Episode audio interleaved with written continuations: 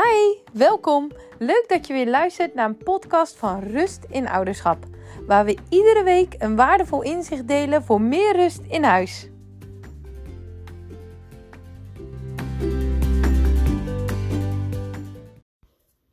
Wat leuk dat je weer luistert. Herken jij dat? Continu een beetje dat gejaagde gevoel hebben? Want haast, tijdsdruk en dat gejaagde gevoel, dat veroorzaakt vaak strijd en onrust in huis. En dat is juist iets wat we niet willen. En hoe creëren we nou toch die rust en een positieve sfeer in huis? Want het begint vaak ochtends al. Je bent aan het haasten om weg te gaan. Je moet naar school, je moet naar het werk. En je kinderen gaan hun eigen gang. En jij voelt je al wat gestrest en opgejaagd. Want jij voelt dat je kinderen op tijd op school moeten zijn. Jij moet op tijd op je werk zijn. En je weet wat voor drukke dag je hebt.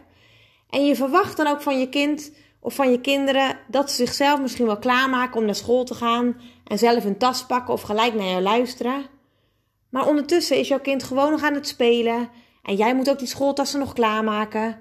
En je denkt, waarom kan het nou nooit eens gewoon even rustig en gezellig verlopen bij ons in huis? En je begint je dag eigenlijk gelijk al gestrest. Of s'avonds als je thuis komt en je hebt die drukke dag gehad. En je wil eigenlijk gewoon lekker eens eventjes een filmpje kijken. En je wilt je kind gezellig een verhaal voorlezen en rustig op bed leggen. Maar op dat moment blijft je kind maar treuzelen. En jij wordt daardoor gejaagd en geïrriteerd. Waardoor je steeds meer strijd krijgt met je kind. En misschien volgt er dan ook wel een driftbui. En hierdoor ben je nog veel langer bezig met je kind op bed te leggen. Een eerste aspect voor meer rust en minder strijd in huis is om echt goed aan te sluiten bij je kind.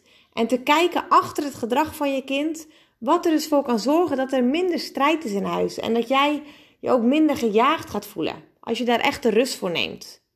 Want als je stilstaat bij wat je kind zou kunnen denken, zou kunnen voelen en waar hij of zij behoefte aan heeft, en dit ook benoemt, dan zullen veel dingen al een stuk makkelijker verlopen.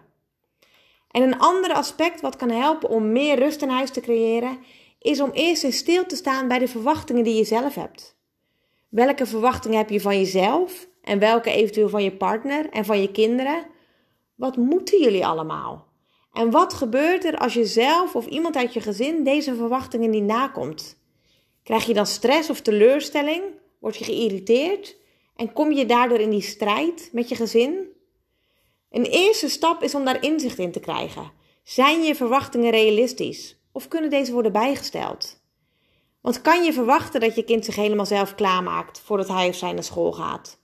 Of is het logisch dat hij of zij verleid wordt tot spelen als er misschien niet direct aansturing is? En heeft hij misschien jouw hulp daar nog wel meer bij nodig? En moet je daadwerkelijk vandaag nog stofzuigen of je mailtjes beantwoorden? Of kan dat ook morgen?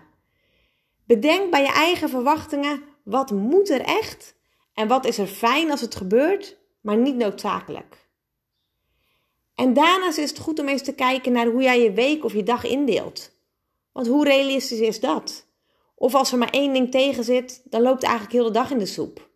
En dat geeft dus dat gejaagde gevoel, wat dus ook weer zijn uitwerking heeft op de gezelligheid in huis.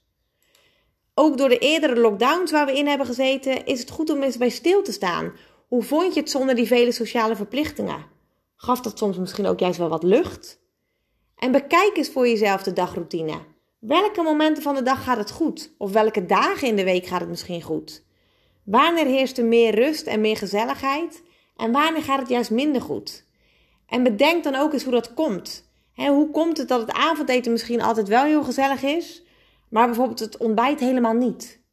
waar zit dat verschil in? En wat is dan die eerste stap om verandering in aan te brengen? En daarnaast is het ook nog goed om te kijken hoe blijf je zelf rustig? En wanneer merk je dat het bij jezelf oploopt en dat jouw geduld steeds meer opraakt? Waar zitten jouw triggers? En dat is ook wat ik je vandaag als tip wil meegeven. Kijk eens terug naar vandaag of naar deze week. Hoe verliep het? Wat ging er goed en wanneer was er onrust? En hoe zou dit dan kunnen komen? Sloot je goed aan bij je kind? Keek je achter dat gedrag? En waren je verwachtingen realistisch? En hoe was je dag ingedeeld? Hoeveel tijdsdruk was er? En lukt het ook zelf om rustig te blijven? En waar werd je door getriggerd? Dit zijn heel veel vragen en dat is ook niet makkelijk om zo eventjes in één keer te beantwoorden.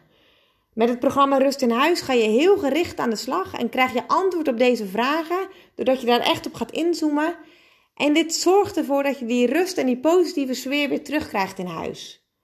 En wacht niet tot alles vanzelf makkelijker gaat of beter wordt. Want nu is het juist die tijd om die omslag te maken in huis. En weet ook, de tijd met je kinderen is kort. En zorg niet dat deze tijd opraakt. Dus wil je daarmee aan de slag? Kijk dan eens hieronder op welke manier je dat kunt doen. Wil ik je weer bedanken voor het luisteren en ik, tot bij de volgende podcast.